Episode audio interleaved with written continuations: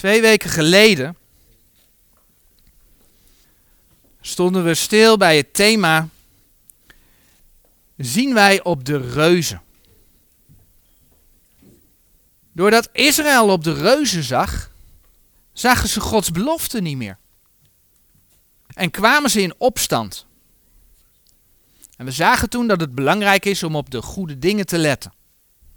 Wat Colossense 3 vers 2 zegt, bedenk de dingen die boven zijn, niet die op de aarde zijn. Gods woord geeft leven.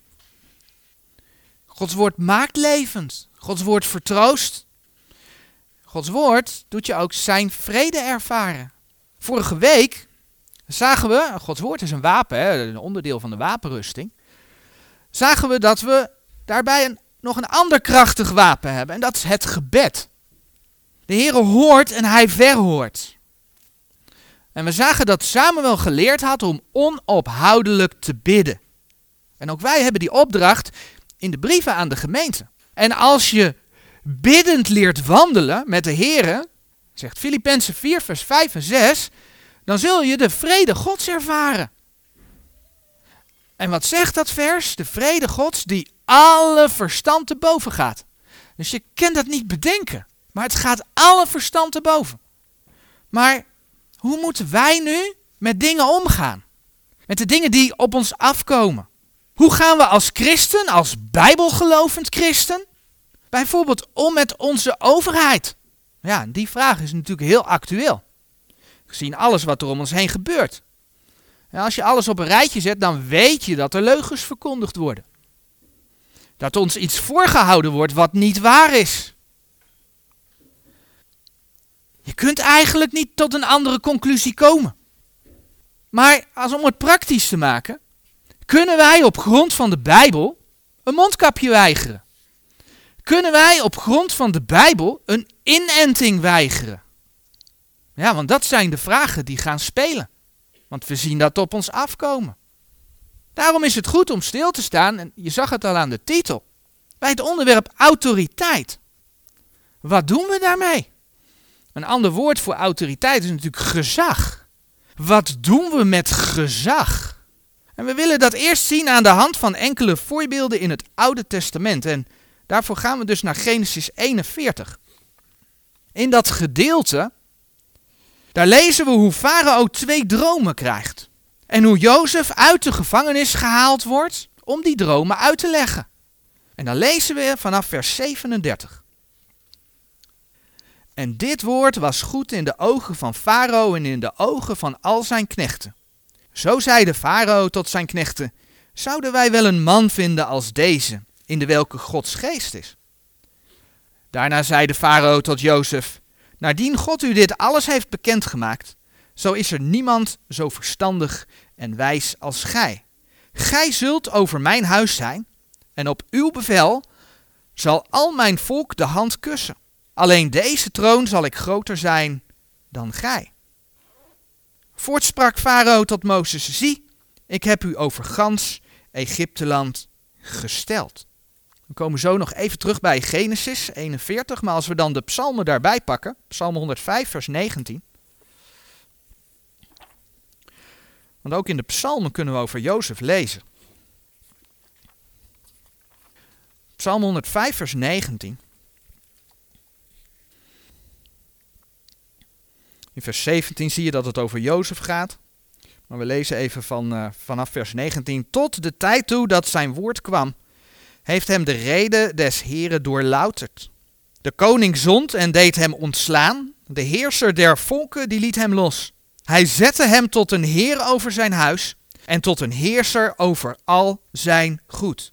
Om zijn vorsten te binden naar zijn lust en zijn oudste te onderwijzen. We lezen dat Jozef macht krijgt in Egypte. Hij is gesteld over heel Farao's huis. Hij is gesteld over heel Egypte. En alleen de troon hebben we net gelezen, die stond nog tussen, tussen, tussen Farao en Jozef in. Alleen zijn troon. Betekende dat Jozef daardoor alles kon doen wat hij maar wilde? Ja, in zekere zin stond hij boven de vorsten, dat hebben we net gelezen. Hij stond boven de vorsten. Maar hij moest nog steeds gehoorzaam zijn aan de farao. Want die stond boven Jozef. Denk maar aan de schenker en de bakker, en dat kun je zien in Genesis 40, vers 2 en 3. Die waren ongehoorzaam aan de farao en kwamen daardoor in de gevangenis. Uiteindelijk is één uit die gevangenis gekomen. Ja, zijn er alle twee uitgekomen. Alleen de een mocht terugkeren naar het hof en de ander werd gedood. Dus nee, Jozef kon niet maar zo zijn gang gaan. Hij moest naar de farao luisteren. Dus het volk moest gehoorzaam zijn aan Jozef. Dat hebben we net gelezen. En Jozef was gehoorzaam aan de farao. En God stuurde klaarblijkelijk een heidense koning aan om Jozef op die plek te zetten. Kijk maar in Genesis 45, waar Jozef tegenover zijn broers vertelt dat het God is die dat alles geleid heeft. Genesis 45, vers 5. Maar nu wees niet bekommerd en de toren ontsteken niet in uw ogen, omdat gij mij hierheen verkocht hebt, want God heeft mij voor uw aangezicht gezonden tot behoudenis des levens. Kun je doorlezen tot vers 9. God heeft dat geleid. Een ander voorbeeld is Mozes. Mozes had een opdracht van God hè, in Exodus 3, vers 10. Exodus 3, vers 10. Daar lezen we. Zo kom nu en ik zal u tot Farao zenden, opdat gij mijn volk, de kinderen Israëls, uit Egypte voert. Dat was Gods opdracht. En God stelde Mozes als leider over het volk Israël. God bevrijdde het volk door de hand van Mozes. Dat is wat je in de Bijbel leest. Dus Mozes kreeg van de Heere God bepaalde autoriteit. Bladeren we door naar nummer 12. Want ja, dat Mozes bepaalde autoriteit kreeg, dat lag niet zo goed bij zijn broer Aaron en bij zijn zus Mirjam. Die hadden daar een probleem mee. Kijk maar in nummer 12, vers 2. Mirjam en Aaron die zeggen dan, heeft dan de Heere maar alleen door Mozes gesproken? Heeft hij ook niet door ons gesproken? En de Heere hoorde het. En het gevolg is dat Mirjam dat lees je in vers 10, melaats werd. Ja, met melaats. Omdat ze eigenlijk twijfelde over de autoriteit die God aan Mozes had gegeven. Want Mozes had die opdracht gekregen. Zij werd melaats. Uiteindelijk beleed Aaron de zonde. Dat lees je ook in nummer 12. En Mozes doet dan voorbeden. En uiteindelijk komt het dan goed met Mirjam. Als we doorbladeren naar nummer 16, dan zien we dat er drie mannen zijn die een opstand ontketenen tegen tegen, uh, tegen Mozes. Nummer 16, dat zijn Korach, Datan en Abiram. En er zijn nog 250 mannen met hen. Nummer 16, vers 1 tot en met 3. En Mozes die, die, kan het niet, die zou het niet aankunnen. En ze mopperen dat ze uit Egypte gegaan zijn en dat ze nog steeds niet in het beloofde land zijn. En dan moet je lezen wat er met die mannen gebeurt in, in vers 32 en 33. En de aarde opende haar mond en verslond hen met hun huizen. En dit gaat dan over Korach en de zijnen. En alle mensen die Korach toebehoorden en al de haven. En zij voeren neder, zij en alles wat hunne was, levend ter helle en de aarde overdekte hen. En zij kwamen om uit het midden der gemeente. En ze hadden ook nog 250 man met zich, die ook aan het mopperen waren. En wat zien we dan in vers 35? Daartoe ging een vuur uit van de Heer en verteerde die 250 mannen die reukwerk offerden. Met het feit dat men tegen Mozes opstond, stond men op tegen God. Want Mozes had die opdracht van God gekregen. Maar Mozes, had hij dan een vrijbrief om alles te doen en laten wat hij wilde? Nee, Mozes had geen vrijbrief om maar te doen wat hij wilde. Mozes moest naar de Here luisteren. Nummer 20. We kennen die geschiedenis wel, dat God zegt dat Mozes tegen de rots moet spreken. En wat doet Mozes? Hij slaat de rots. Hij slaat de rots. En daarmee haalt Mozes Gods toren over zich. Nummer 20, vers 8 en 11. Mozes mocht uiteindelijk het beloofde land niet in. Nummer 20, vers 12. Je zou ook Deuteronomium 1, vers 37 erbij kunnen pakken. Daar staat letterlijk dat Mozes Gods toren over zich heen haalde. Dus hier zien we de onderdanigheid aan het, wat dat vraagt, de onderdanigheid aan het gezag. Dat de Heere dat vraagt. Het is eigenlijk allemaal een autoriteitskwestie. En in deze voorbeelden zien we dat autoriteit van God afkomstig is. We weten dat de Heer Jezus God geopenbaard in het vlees is. 1 Timotheus 3, vers 16. Weg uit de nieuwe vertalingen. Daar staat dat hij geopenbaard is in het vlees. Ja, dat weten we wel. Het bijzondere was dat hij uit de Heilige Geest verwekt was en dat het God geopenbaard in het vlees was. En dat vinden we in de oude vertalingen terug, niet in de nieuwe.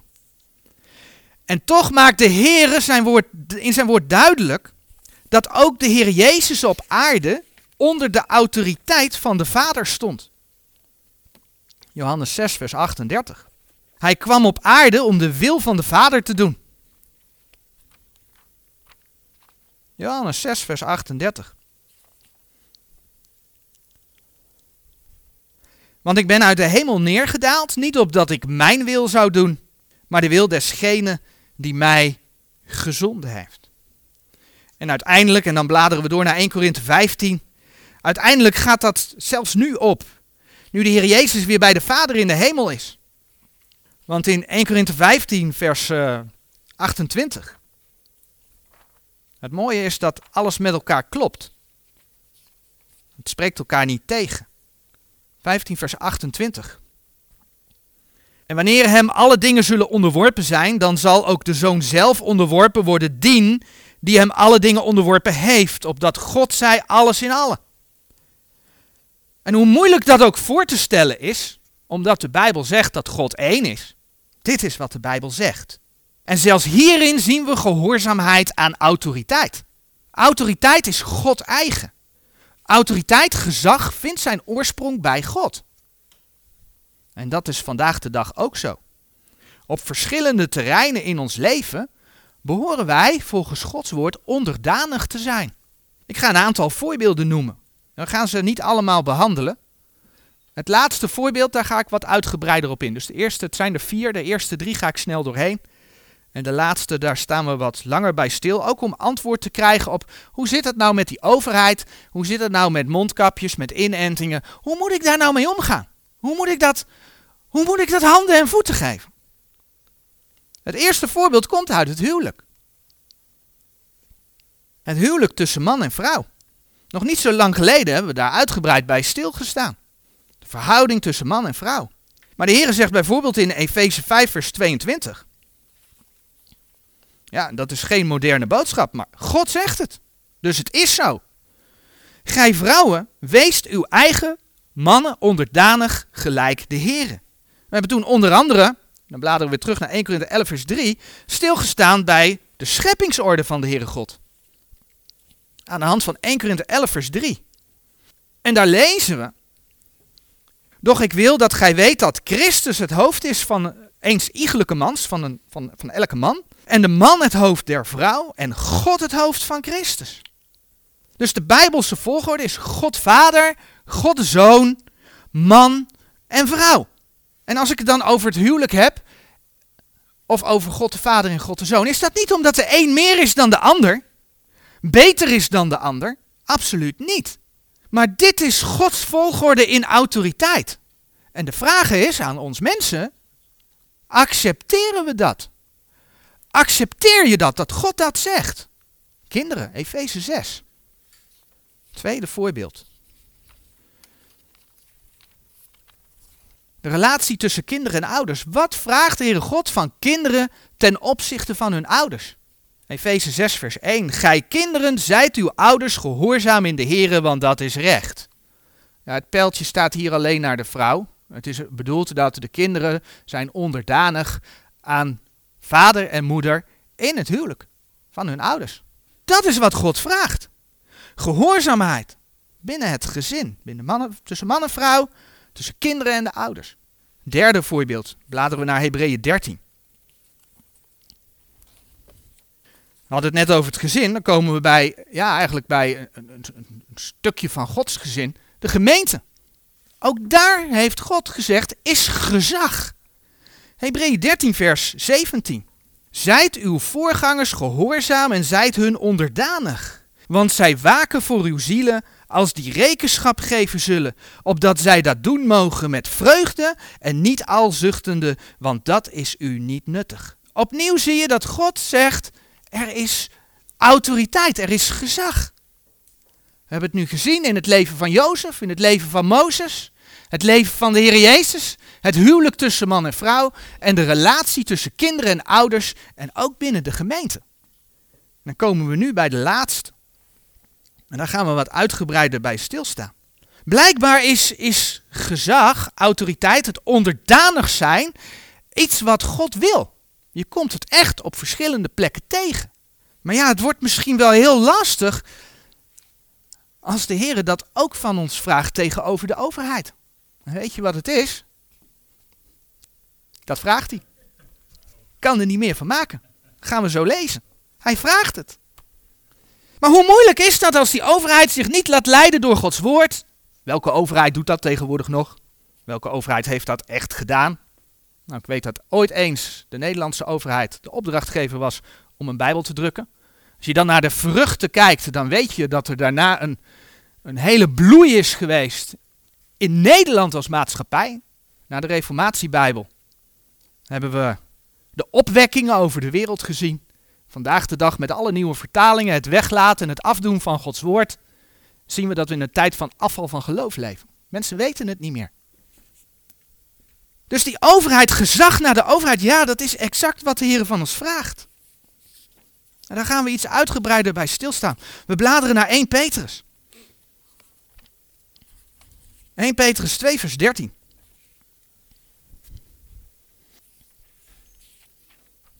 En in 1 Petrus 2, vers 13, daar lezen we: Zijt dan alle menselijke ordening onderdanig. En dan komt hij, het vervolgvers, nou niet vers, maar binnen dat vers, het vervolgstukje, om des Heren wil. Poeh. Het zij de koning als opperste machthebber, het zij de stadhouder, enzovoort, enzovoort. Hier lezen we dat de Heer wil dat we alle, staat er hè, alle menselijke ordening onderdanig moeten zijn. Dus niet alleen de christelijke, voor zover die er nog zijn of zijn geweest. Alle. En dan staat erbij, om des Heren wil. Hij wil het. 1 Petrus 2 vers 15 wordt het nog een keer bevestigd. Want alzo is het de wil van God, dat gij weldoende de mond stopt aan de onwetendheid der dwaze mensen. En het weldoen, ja, dat slaat in de context dus echt op het onderdanig zijn aan alle menselijke ordening. En waarom? Ja, waarom? Vraag je misschien af. Waarom zou God dat willen? Omdat God de machten geordineerd heeft. Romeinen 13. In Romeinen 13, vers 1, daar lezen we. Alle ziel. Alle wederomgeborenen? Nee. Alle heidenen? Nee. Alle ziel. Zij de machten over haar gesteld onderworpen. Want er is geen macht dan van God. En de machten die er zijn, die zijn van God geordineerd. En dat gaat heel ver. Kijk maar in vers 2. Alzo dat die zich tegen de macht stelt, de ordinantie Gods wederstaat. Dus als we ons tegen de macht stellen, dan stellen we ons tegen de wil van God. Tegen de instellingen van God. En die ze wederstaan, zullen over zichzelf een oordeel halen. Zie je wat er staat? Je haalt een oordeel over je heen. Nou mensen, dat is echt niet het laatste oordeel hoor, want daar komen we als wederomgeborenen niet. We hebben het leven in Christus gekregen. Als we naar de Heer toe gaan, als Hij ons komt halen, komen we voor de rechterstoel van Christus. Ja, wis en waarachtig. Maar de, eh, voor de grote witte troon, daar komen we als wederomgeborenen niet. Weet je waar dat mee te maken heeft? Vers 13, vers 3 en 4. Want, er staat ook want, want de oversten zijn niet tot een vrees de goede, uh, de goede werken, maar de kwade. Wilt gij nu de macht niet vrezen, doe het goede, en gij zult lof van haar hebben. Want zij is Gods dienares, u ten goede. Maar indien gij kwaad doet, zo vrees, want zij draagt het zwaard niet te vergeefs. Want zij is Gods dienares, een wreekster tot straf, degene die kwaad doet. Met andere woorden, als je de overheid niet gehoorzaamt, dan krijg je straf. En God zegt, dat is terecht, want je hebt niet gehoorzaamd. En dus is het zelfs zonde, omdat we lazen dat je dan tegen de, uh, de, de ordinantie Gods wederstaat. Dat hebben we gelezen. Dus waarom zou je je aan de regels van het land moeten houden? Er zijn eigenlijk twee redenen voor. De eerste is om geen straf te krijgen. En de tweede is heel simpel. Misschien eigenlijk zelfs wel de eerste, maar goed. Het is een opdracht van God. Gewoon een opdracht van God. Ook in de brieven aan de gemeente. En uiteindelijk, dan bladeren we naar Matthäus 17, heeft het te maken met een stukje getuigenis. Men komt met een vraag bij Petrus of de meester of zijn meester, de Heer Jezus, de didrachmen wel betaalt. En het is veelzeggend hoe de Heer Jezus daarop reageert. En dan lezen we vanaf vers 25. Wat dunkt u? Matthäus 17, vers 25. Wat dunkt u, Sibon?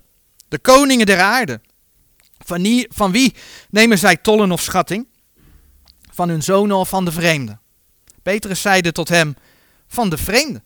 Jezus zeide tot hem, zo zijn dan de zonen vrij. Je hoeft geen belasting te betalen. Moet je kijken wat er in het vervolgvers staat. Maar opdat wij hun geen aanstoot geven, ga heen naar de zee, werp de angel uit en de eerste vis die opkomt, neem en zijn mond geopend hebbende zult gij een stater vinden. Neem die en geef hem aan hen voor mij en u. Maar opdat wij hun geen aanstoot geven. Dat staat er. Dat wordt op deze manier heel duidelijk. Ja, maar mensen, hè? mensen gaan altijd ja maar. Ja, maar als we nu een hele slechte overheid hebben, wat dan? Denk aan de Tweede Wereldoorlog. Hitler. Ik wil beginnen met een voorbeeld van Daniel. Daniel 1. Juda wordt op een gegeven moment in ballingschap meegenomen. Het is een oordeel van God over het zondige volk dat niet naar de Here luisterde. De afgoden bleef dienen. Ze worden uit het land gehaald. Maar wie waren daar ook bij? Daar waren bij de profeet Daniel, Hanania, Misaal en Azarja. Daniel 1 vers 6.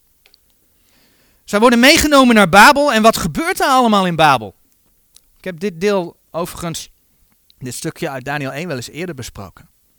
Zij krijgen daar zelfs andere namen. Het Daniel, zijn naam betekende God is mijn rechter. En dan lees je in Daniel 1 vers 7 dat Daniel gaat heten Beltzazar. Dat is notabene een naam. Hij krijgt een naam. Dat is een hele identiteit. Die, die mag hij niet houden. Hij krijgt een naam naar de afgod Bel. En die naam betekent dan mogen Bel het leven van de koning beschermen. Daarnaast zien we dat Daniel en zijn vrienden onderwezen worden, Daniel 1 vers 4, in de boeken en spraak der Galdeeën. Daniel en zijn vrienden werden totaal ondergedompeld in de wereld. En dat Daniel hier in zekere zin tot op zekere hoogte in meeging, dat blijkt wel uit het feit, en dan bladeren we door naar Daniel 6, dat toen Darius aan de macht kwam en de andere vorsten en stadhouders Daniel niet zo zagen zitten of staan, hoe je het ook maar wil noemen, die wilden van hem af. Ze konden niets vinden in Daniel, ze konden geen fout vinden. Ze hielden hem in de gaten. Kijk maar in Daniel 6, vers 5. Toen zochten de vorsten en de stadhouders gelegenheid te vinden tegen Daniel vanwege het koninkrijk. Maar zij konden geen gelegenheid noch misdaad vinden, terwijl hij getrouw was en geen vergrijping noch misdaad in hem gevonden werd. Ze konden niks vinden. Geen aanstoot geven. Zorgen dat je als christen in de wereld niet gepakt kan worden. vertaal het even naar onze tijd. Ze konden hem niet pakken, hij was getrouw. Ja, toen moesten ze wat anders bedenken. Dus ze gingen iets bedenken dat met zijn God te maken had, met de wet van zijn God. Daniel 6, vers 6. En zo bedachten ze het plannetje dat gedurende 30 dagen niemand een verzoek tot een god of mens mocht richten dan tot de koning alleen. Daniel 6, vers 8. En dan lees je in Daniel 6, vers 11. Als dat gebod er is doorgekomen, wat doet Daniel? Hij gaat gewoon voor het open raam zitten bidden. In alle openheid.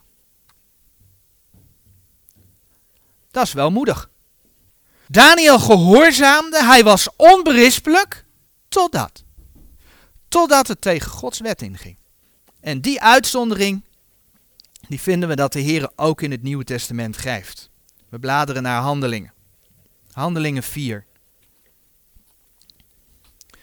Als de apostelen voor de grote raad moeten verschijnen, krijgen ze te horen dat ze niet meer in de naam van Jezus mogen spreken en leren. En wat gebeurt er? Ze doen het wel. En dan worden ze ter verantwoording geroepen. Waarom ze dat doen. En kijk naar het antwoord. Handelingen 4, vers 19 tot 20. Maar Petrus en Johannes antwoordende zeiden tot hen: Oordeelt gij of het recht is voor God? U lieden meer te horen dan God. Want wij kunnen het niet laten te spreken hetgeen wij gezien en gehoord hebben. En als je dan doorbladert naar Handelingen 5 en dan vers 29, daar lees je precies hetzelfde. Maar Petrus en de apostelen antwoordden en zeiden: Men moet goden meer gehoorzaam zijn dan mensen. Dus als de overheid je dwingt tegen Gods woord in te gaan, dan mag je van de Here daartegen ingaan. Oftewel, dan is het geen zonde. Maar dat heeft dus wel een consequentie. Daniel belandde in de leeuwkuil. De consequentie is dat je het feit accepteert dat als jij tegen de overheid ingaat, dat jij gestraft wordt door die overheid. Dat is wat de Bijbel laat zien. Daar kom ik straks nog op terug. Want laten we daar nog even op doorgaan. Hè. Stel je hebt echt een slechte overheid, wat dan? Misschien moeten we even terugdenken, en dan bladeren we weer naar 1 Petrus ondertussen. Even aan de apostelen zelf terugdenken. Want wij lezen die versen natuurlijk tot voor een paar maanden terug in dat heerlijke vrije Nederland. Ja, weet je, makkelijk hè, om de overheid te gehoorzamen. Maar denk even aan de apostelen. Paulus en Petrus, die schreven dat in een tijd dat onder andere keizer Nero aan de macht was. Nou, als er één keizer gewoon gek was, dan was dat keizer Nero wel. Hij heeft zijn eigen stad in de fik gestoken. Keizer Nero was de keizer van de, nou, christenvervolgingen. En die bedachten er wat af. Dan kan de Roomse keizer, alias de paus, hem de hand geven. Want die heeft er ook wat afbedacht in de middeleeuwen. Gaat ook terugkomen op deze aarde. Maar kijk wat die Petrus dus zegt in 1 Petrus 2, vers 13 en 14. Ja, het eerste vers, we hebben het net al gelezen, maar ik lees het nog een keer. We hebben nu even dat plaatje van Nero in ons hoofd. Zijt dan alle menselijke ordening onderdanig, om des Heren wil. Het zij de koning als de opperste machthebbende, het zij de stadhouders als die van hem gezonden worden, tot straf wel der kwaaddoeners, maar tot prijs dergenen die goed doen. Dat zegt Petrus. En Paulus, we hebben het in Romeinen 13 gelezen, die zegt dat ze door God geordineerd zijn. In 1 Petrus 2 vers 18 tot 20 lezen we zelfs. Gij huisknechten, zijt met alle vrezen onderdanig den heren, heren met kleine letter, niet alleen de goede en bescheidene, maar ook de harde. Want dat is genade indien iemand om de conscientie het geweten voor Gods zwarigheid verdraagt, leidende ten onrechte. Want wat lof is het indien gij verdraagt als gij zondigt en daarover geslagen wordt. Maar indien gij verdraagt als gij wel doet en daarover leidt, dat is genade bij God. Allereerste vraag, hoe kan het nu dat God de slechte leiders aanstelt? Kan dat nou? Was het niet zo, daar hebben we het ooit ook over gehad. 2 Korinthe 4 vers 4 spreekt erover dat de Satan de God van deze wereld is. Was het niet zo dat die Satan de koninkrijken der wereld uitdeelt? Lucas 4 vers 5 en 6. Ja, dat klopt. Staat geschreven. Kijk maar, gaan we erbij pakken. Lucas 4 vers 5 en 6 waar de Heer Jezus verzocht wordt in de woestijn. En dan lezen we daar. Als hem de duivel geleid had op een hoge berg, toonde hij hem al de koninkrijken der wereld in een ogenblik tijds. En de duivel zeide tot hem: Ik zal u al deze macht en de heerlijkheid derzelfde koninkrijken geven, want zij is mij overgegeven. En ik geef haar wien ik ook wil. Zo. Het is hem overgegeven. Maar uit het boek Job Job 1 vers 12, Job 2 vers 6, weten we dat de Satan niets kan doen, tenzij God het toestaat. Wat we hierin zien, is dat dus die duivel ook een instrument is in de hand van God. Als we naar 2 Samuel bladeren, 2 Samuel 24,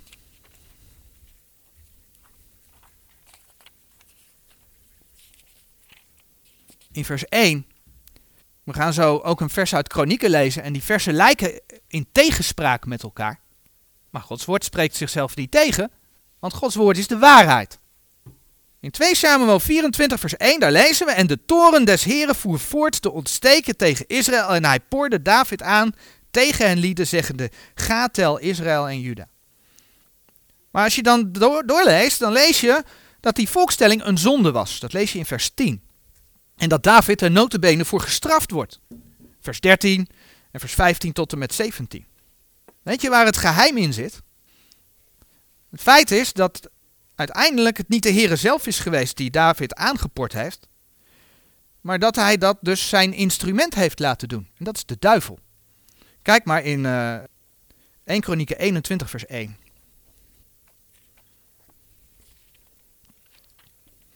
Toen stond Satan op tegen Israël en hij poorde David aan dat hij Israël telde. Dat is dezelfde geschiedenis. David werd verzocht.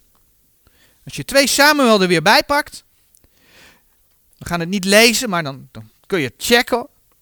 David werd verzocht. Het had te maken met zijn lust. 2 Samuel 24 vers 3. Hij wilde weten hoe sterk het volk was. Ja, hij was de koning. Hoe sterk zal mijn volk zijn? Maar daarmee vertrouwde hij dus niet op Gods leiding. En daarom was het zonde. In ieder geval zien we dat 2 Samuel 24 vers 1 en 1 eh, Kronieken 21 vers 1 elkaar niet tegenspreken. Ze vullen elkaar aan. Worden ondersteund door de uitleg van de rest van de schrift. Maar binnen het kader van de boodschap van vanmorgen is het belangrijkste om te zien dat de duivel in het uitdelen van de koninkrijken op deze aarde blijkbaar een instrument is in Gods handen. Oei. En uiteindelijk doet hij niet zonder Gods toestemming. God laat het toe. En dat betekent dat de demonische, geestelijke, maar ook fysieke machten ook door God geordineerd zijn. Omdat de mens verkocht is onder de zonde. Vanaf Genesis 3, mensen, is de aarde in zonde gevallen. En dan zie je dat de Heer ook die demonische machten, of ze nou geestelijk of fysiek zijn, stuurt. Van de farao die Israël onderdrukte, gaan we naar Romeinen toe, Romeinen 9 vers 17. Een paar mooie voorbeelden. Waarmee ook bewezen is dat wat ik net gezegd heb gewoon klopt.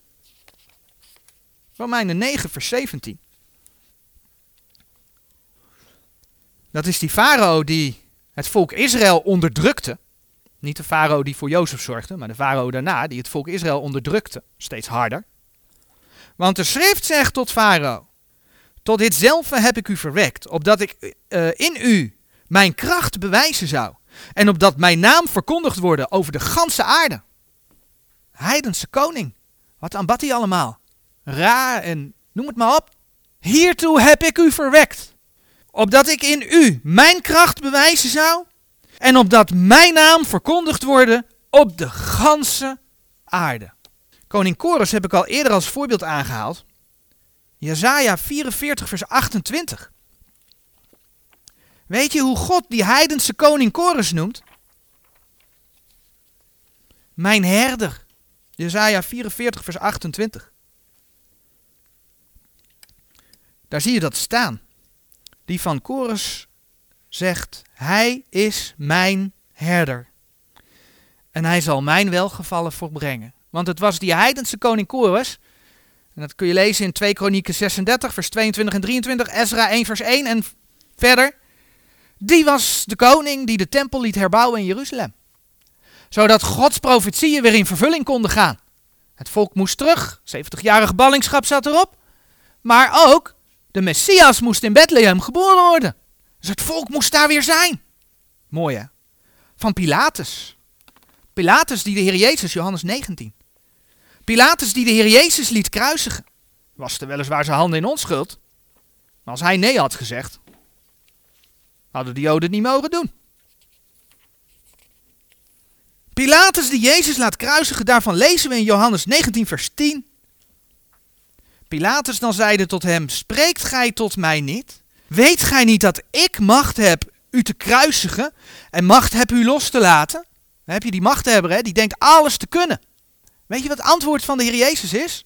Vers 11. Jezus antwoordde, gij zoudt geen macht hebben tegen mij, indien het u niet van boven gegeven was. Daarom die mij aan u heeft overgeleverd, heeft groter zonde. God had Pilatus die macht gegeven, anders had hij het niet kunnen doen. Dat zegt de Heer Jezus. En omdat God zegt dat hij alle heersers geordineerd heeft, hebben wij ze te gehoorzamen. Zelfs onder slechte overheden kan een christen tot op zekere hoogte gehoorzamen. Maar zoals we gezien hebben, als het tegen Gods woord ingaat, dan hebben we God te gehoorzamen. Alleen, en dan komen we terug bij 1 Petrus 2, vers 19 en 20. Alleen dat brengt wel lijden met zich mee. Ja, lijden.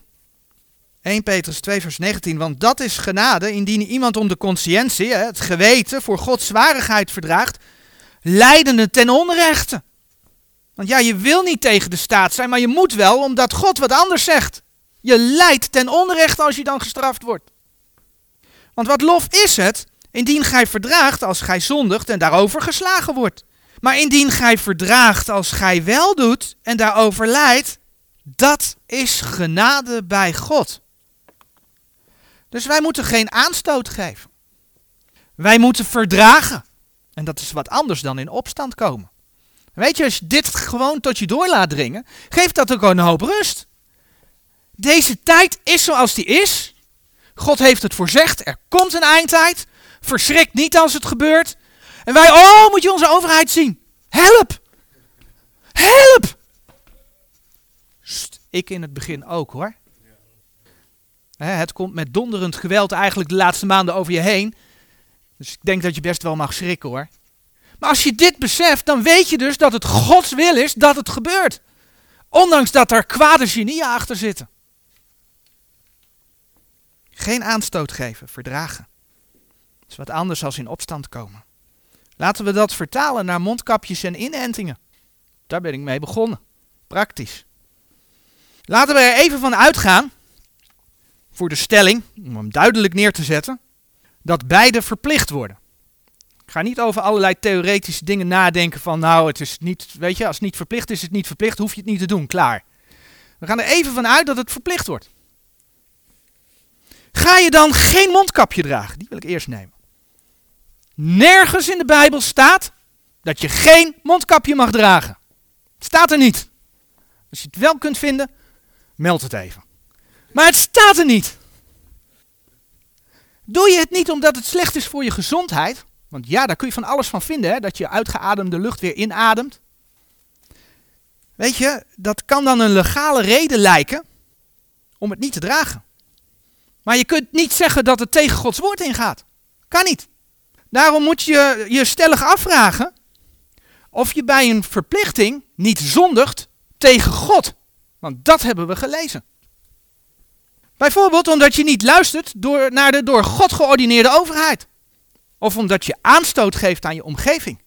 Als jij een mondkapje draagt, zijn misschien minder mensen bang. Geen aanstoot geven. Dat zeg ik ook naar onszelf hoor, want wij zijn ook niet van de mondkapjes. Bij een inenting is dat anders. Waarom is dat bij een inenting anders? Als jij geen inenting gaat nemen als die verplicht wordt, ga je aanstoot geven. Dat klopt. Maar om inentingen te maken wordt veelal weefsel gebruikt van levend geaborteerde foetussen. Dat is moord. Punt. Daarnaast wordt er geknoeid met genetisch materiaal, waarbij je je de vraag moet stellen, dat hebben we toen gezien toen, toen we stilstonden bij die studie over het merkteken van het beest, waar geknoeid wordt met, met genetisch materiaal, waardoor genetisch materiaal van mens en dier vermengd wordt.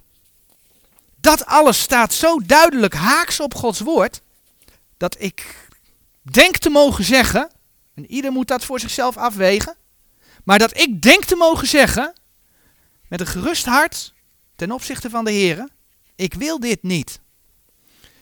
Maar dat brengt wel met zich mee dat je gestraft kunt worden door de overheid. En dan zegt de Heer, wat we in Petrus gelezen hebben, dat je lijdt om zijn naam. En dat, zegt God, is genade bij God. Dat is niet makkelijk. Dat is niet makkelijk. Maar weet je wat God dan zegt?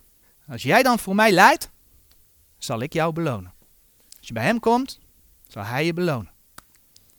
Een van de kronen is daar een onderdeel van. Autoriteit. Het leven van Jozef, het leven van Mozes, het leven van de Heer Jezus. Het huwelijk tussen man en vrouw. De relatie tussen kinderen en ouders. De gemeente, we zien het overal. Ook de overheid. En God zegt, ik wil het zo. Amen.